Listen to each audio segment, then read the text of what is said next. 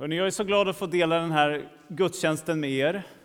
Eh, alldeles särskilt just med tanke på det här temat, We are family. För är det någonting som ligger på mitt hjärta så är det att få se församlingar att bli familjer.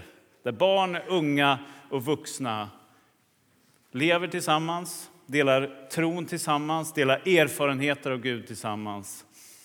Eh, och det är det vi får göra den här gudstjänsten.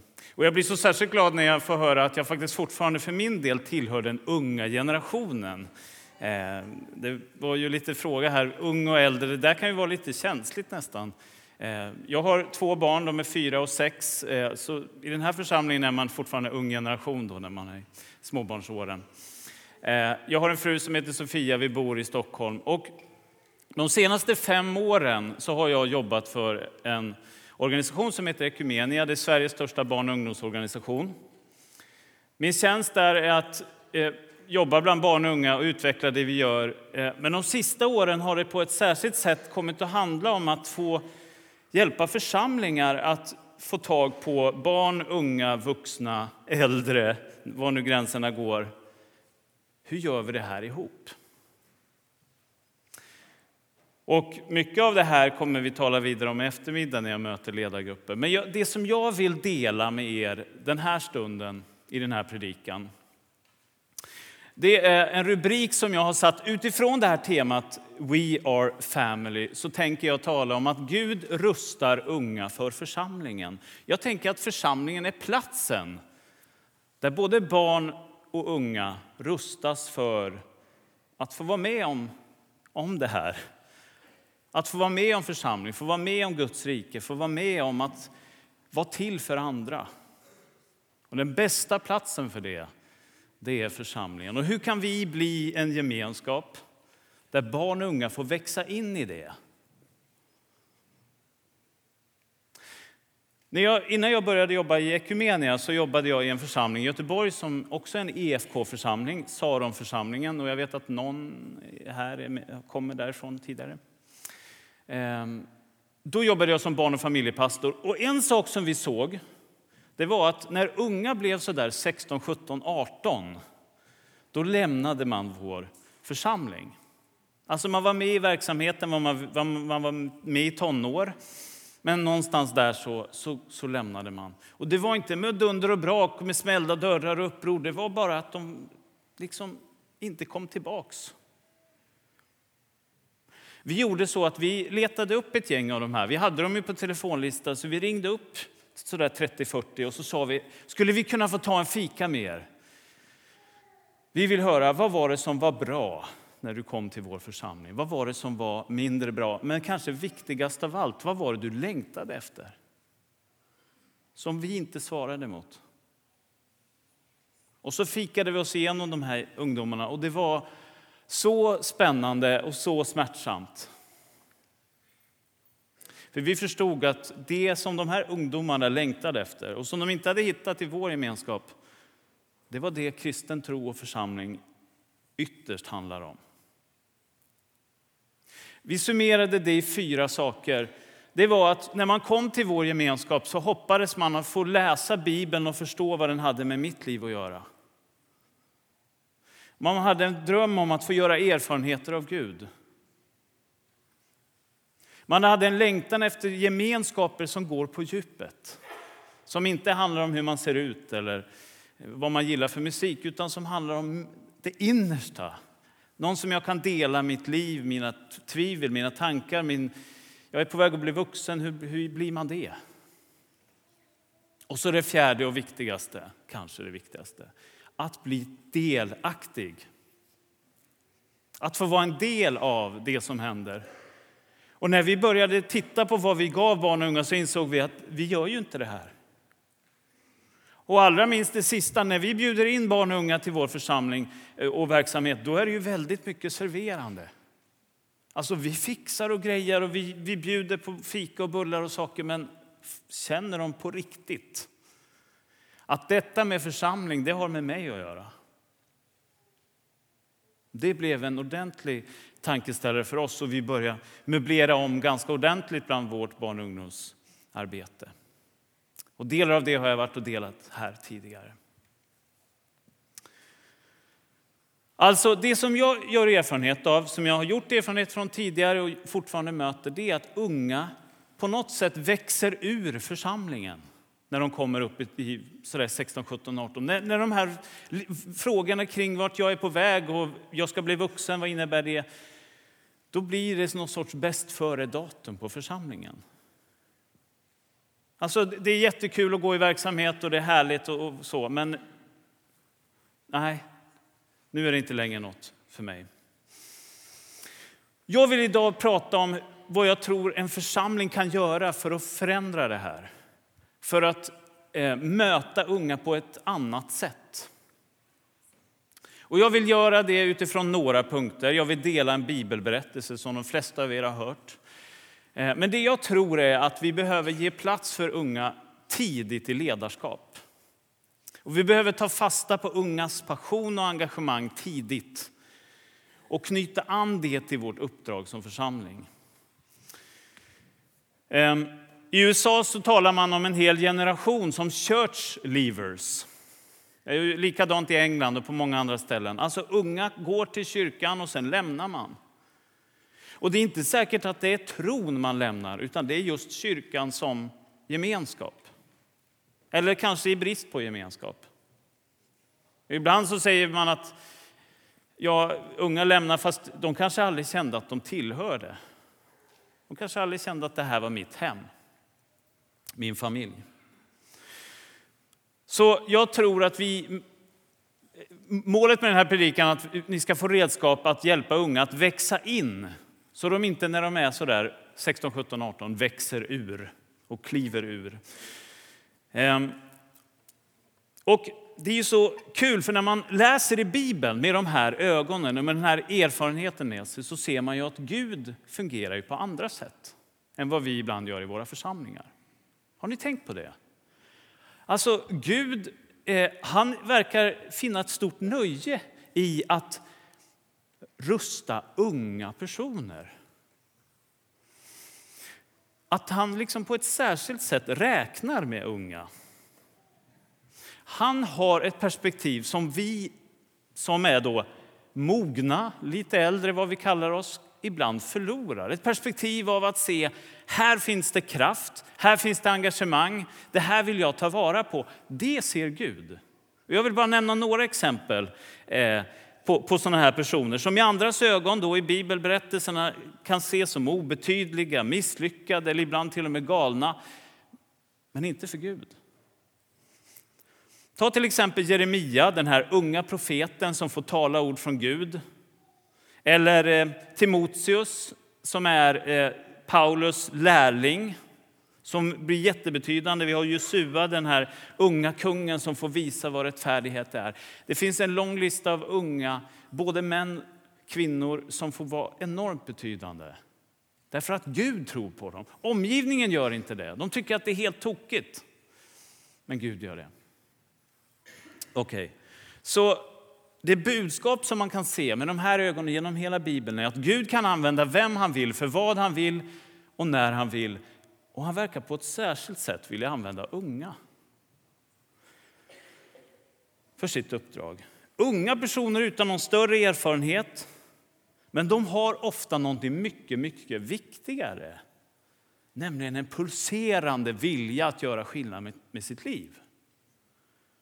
Och det här märker jag när jag är ute i våra sammanhang, ekumenia. Det finns så mycket längtan, det finns så mycket vilja att på riktigt göra någonting med sitt liv.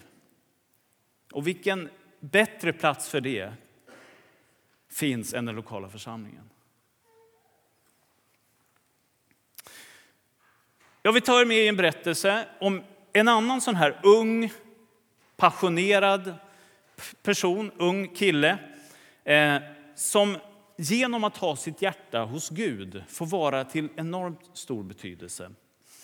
Eh, jag kommer dra ut några poäng i den här berättelsen. Och ni har hört den, många av er. Det är berättelsen om David som möter den här gigantiska Goliat. Ni vet. Första Samuels bok 17. Jag kommer inte läsa den för den är lång, det är hela kapitlet eh, 17.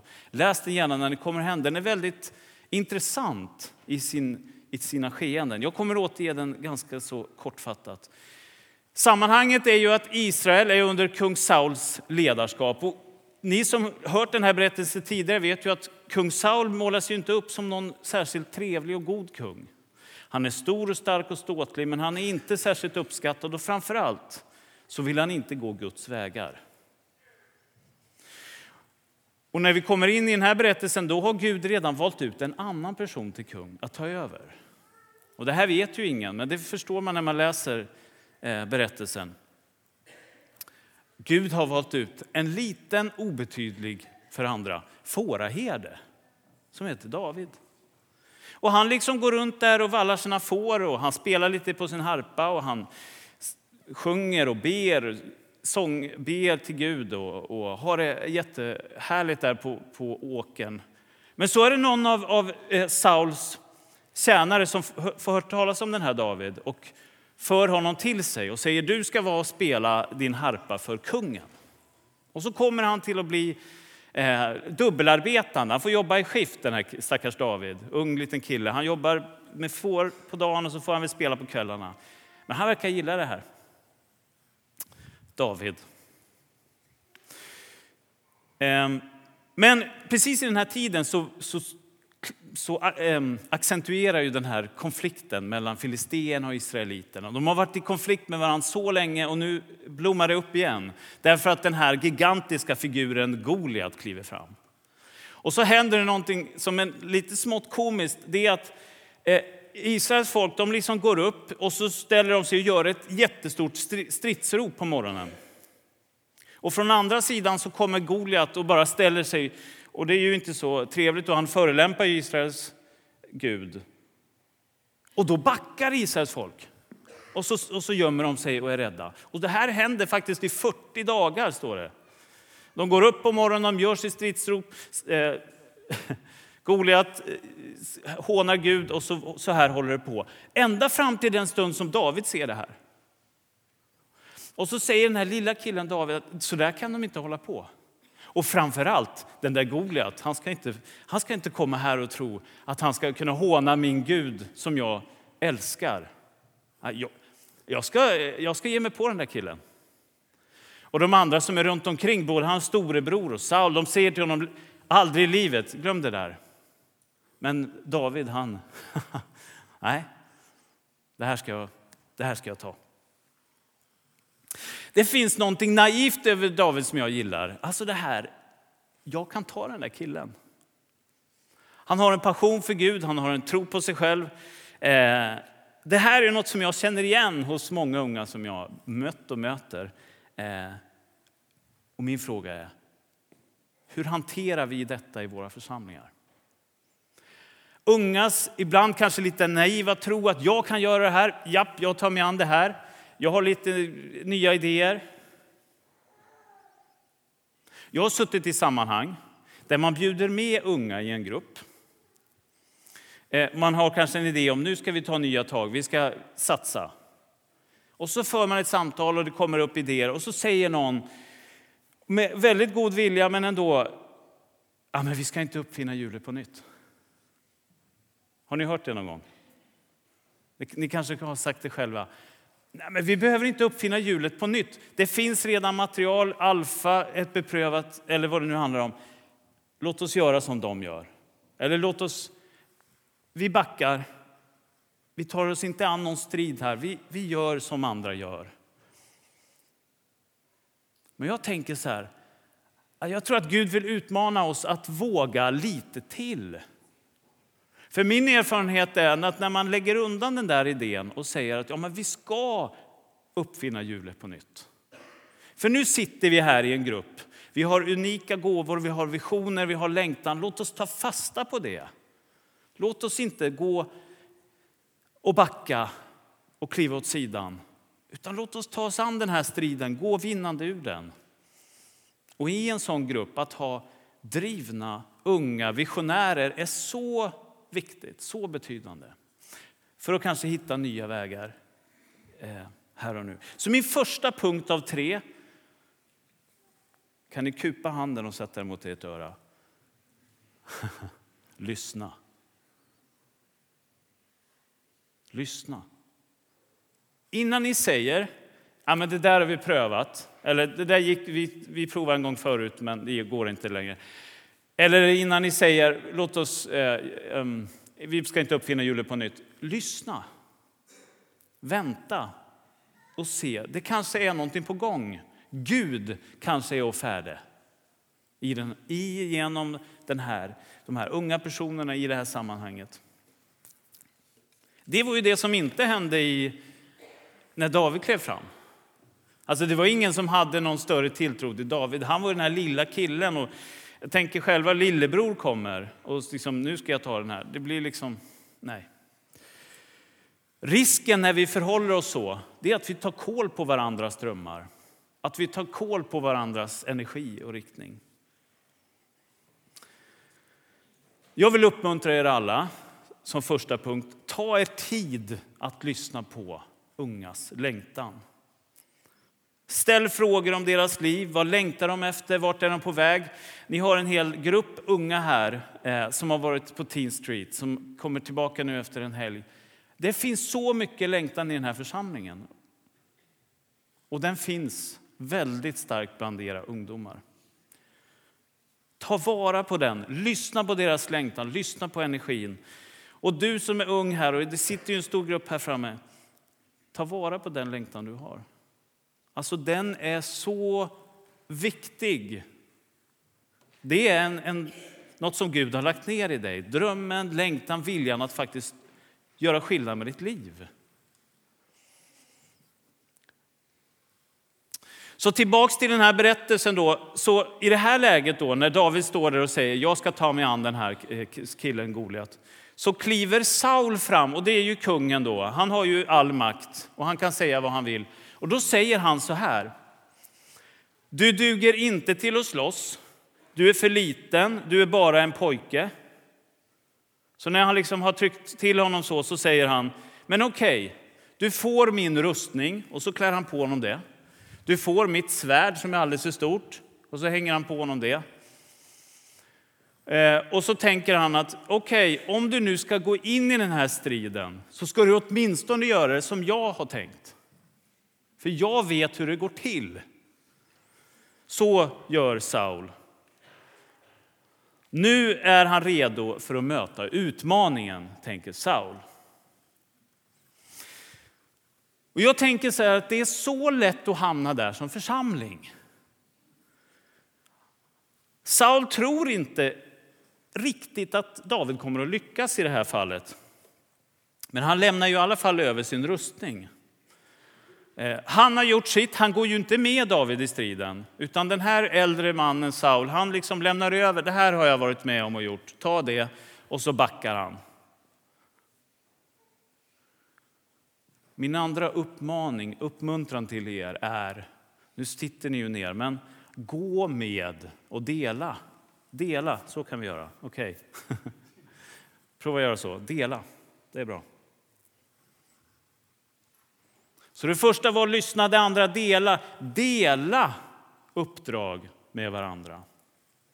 Det är ju precis det Saul misslyckas med. Han lämnar över den idé han har och så backar han ur. Ehm, det är ju lätt att vi gör precis likadant. Vi som har fått ett ledarskap, vi som har, eh, kan en del metoder, vi som har varit med och startat upp verksamheter, vi som har varit med och sett verksamheter komma och gå. Alltså det är ju så lätt att när det kommer unga med sin energi och japp, nu ska vi ta oss an, då säger vi absolut, går du, ta den här metoden, den är beprövad och så backar man. Nu får ni köra, nu är det er tur. Jag har gjort mitt. Jag möter dem hela tiden och jag förstår att man tänker så. Eller att man agerar så. Men jag tror att det finns en stor välsignelse i att dela uppdrag tillsammans. Kanske är det så att den generation som kommer eh, har nya perspektiv. Det är det vi ska se att David faktiskt har. Men Saul vågar inte ta in det. Och när jag, menar, när jag säger dela så tänker jag så här att uppmaningen till oss är att vi som har ett ledarskap få dela den gemensamma visionen. Vad, vad är det vi, Hur kan vi gå emot den här, det här problemet? Eller hur kan vi dela mission tillsammans? Eh.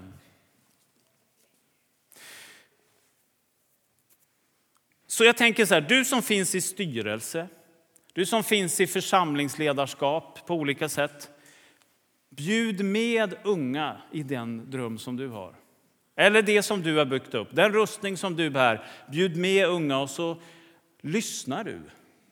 Dela din vision, lyssna på vad de kommer med och det kan bli något fantastiskt i det. We are family. Tänk om det skulle vara så när ni har styrelsemöten eller så, att det är någon sorts familjeråd. Vi har sånt ibland hemma. Man sitter ner och så pratar man. Hur ska vi göra med det här? Hur tänker vi kring det här? Tänk om styrelsemöten kan vara samma sak. Vi bjuder med en från barngruppen, vi bjuder med en från ungdomsgruppen och så samtalar vi om det här. Hur delar vi uppdrag tillsammans?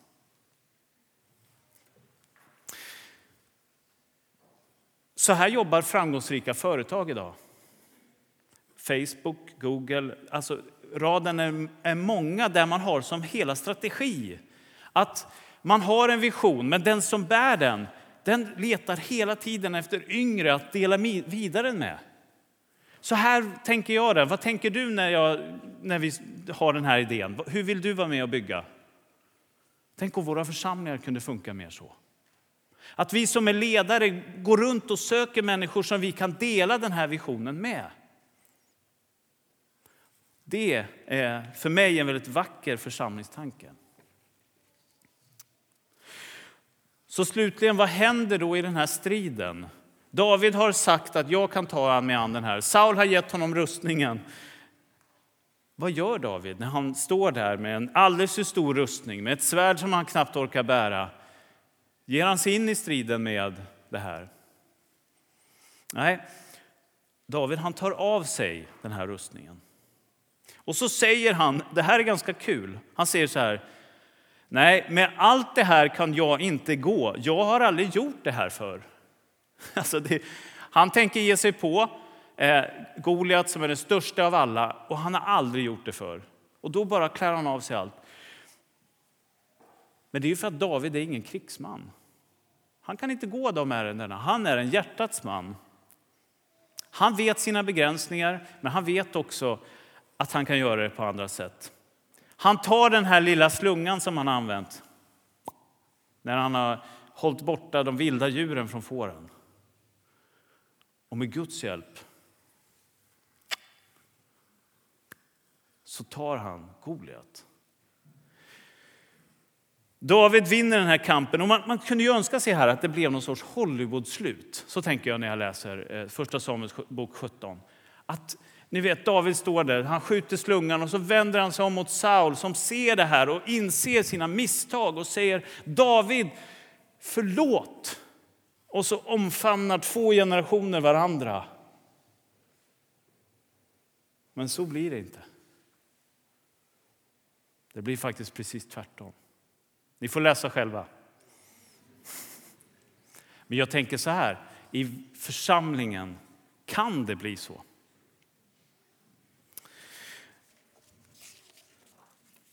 Min tredje, som blir den tredje bilden nu då, den ser ut så här, lämna vidare. Tänk er att ni håller en stafettpinnestav och så lämnar ni vidare så här.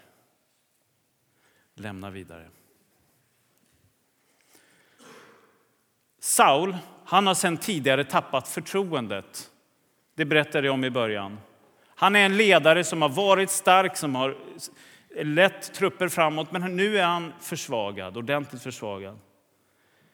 Och Det här är en av anledningarna till att han inte vill släppa taget. Han vill hålla kvar vid det som är hans.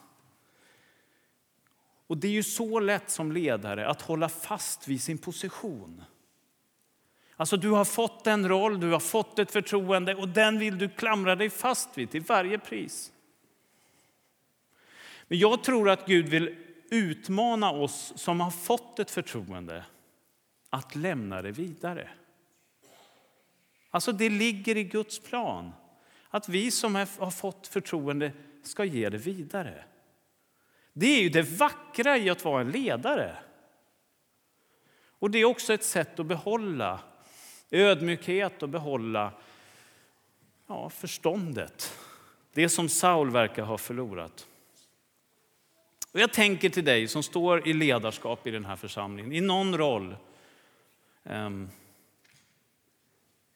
lämna vidare i rätt tid innan det blir som för Saul. Att du har förlorat eh, någonting och du håller krampaktigt kvar vid det. Jag vill dela en erfarenhet när jag jobbade i församling. Jag, jag var ju först barn och ungdomsledare och ganska ung i, i erfarenheten. Och jag fick tidigt med mig en, en kvinna, jätteduktig pedagog, som var med mig när jag höll i barn och ungdomsgrupper. Så hon satt med och var en del av gruppen och sen efteråt så gick vi igenom kvällen och så fick hon coacha mig i hur man leder en grupp på ett bra sätt. Och det var så fantastiskt att få direkt input. Det där funkar bra, det där funkar mindre bra. Eh, och jag möter ibland pedagoger just i församlingar som säger att Nej, men jag har barn upp till ja, vart, halsen under hela veckan, så jag kan inte engagera mig eh, under söndag eller rest i församlingen. Och då tänker jag att tänk att få ha den rollen, att coacha ledare, att träna ledare som vill stå inför en grupp. Att ge vidare det man själv har fått. Jag har nu delat tre perspektiv mer från den här berättelsen från, från David, Saul och Goliat. Och jag undrar nu om ni kommer ihåg de här tre. Vilken var det första? Lyssna. Lyssna på unga, lyssna på deras längtan och vilja. Och det andra, vad var det? Dela, dela den passion du själv har och lyssna på vad andra längtar efter. Och vad var det tredje? Ge vidare. Ge vidare av det som du har fått, det mandat som du själv har fått. Ehm, jag vill bara avslutningsvis dela en erfarenhet där det här hände. Som jag sa så jobbade jag för några år sedan i en församling i Göteborg. Och där hade vi en grupp unga som kom till kyrkan. De var mellan 13 och 15 år. De kom till kyrkan, men de satt bara i, i entrén. Alltså det, är ju en, det är en svår mellanålder det här ibland. Alltså man, är, man är lite för gammal för att vara kanske i 10-12-årsgruppen och man är lite för ung för att gå i gudstjänst. Och de hamnade av någon anledning i kyrkentrén. Och då samlade vi ihop de här och så sa vi så här, okej, okay, lyssna. Vad gjorde vi? Vi ställde frågan, vad, vad vill ni göra när ni är här? Ni kommer hit på söndagar, ni sitter i entrén. Hur kan vi göra det här mer meningsfullt för er? Ja, och så fick de gå en runda och så märkte vi att men här finns det en hel grupp som skulle vilja spela instrument. Använd, nästan alla höll på med, med musik på något sätt. Och vad gjorde vi sen? Ja, vi delade vår vision. När ni kommer hit på söndagen så vill vi att ni ska få fira gudstjänst. Vi vill att ni ska få vara med om församling och vi vill att ni ska få känna er delaktiga. Hur gör vi det här nu tillsammans? Ja, då kom vi fram till att okej, okay, varannan söndag, då kommer ni få spela. Ni kommer få möta en ledare som är ledare för lovsången här i församlingen. Ni kommer få träna lovsånger och ni kommer få bli två lovsångsteam. Det fanns tillräckligt för två grupper. Och sen söndagen därpå, då går ni på gudstjänst. Vi tror att det är jätteviktigt om ni ska få tränas in i ledarskap. Några år senare så var det två fungerande lovsångsteam som idag fortfarande, många av dem är kvar och leder lovsång i församlingen. Och jag tror att det här kan hända i alla församlingar, i alla sammanhang. Och det börjar med att vi börjar ställa frågor till de barn och unga vi har. Vad längtar du efter? Dela församlingens vision. Det här är att vara församling.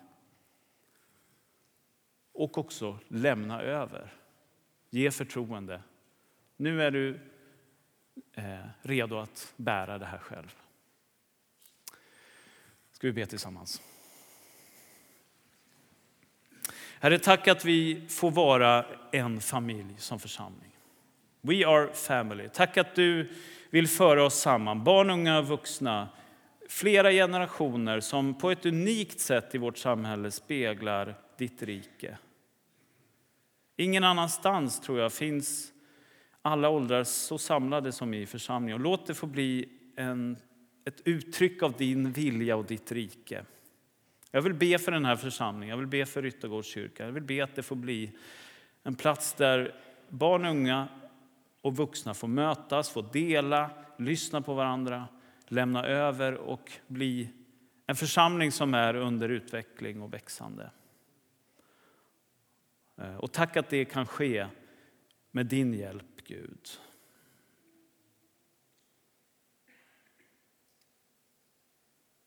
Vi ber i ditt namn, Jesus. Amen.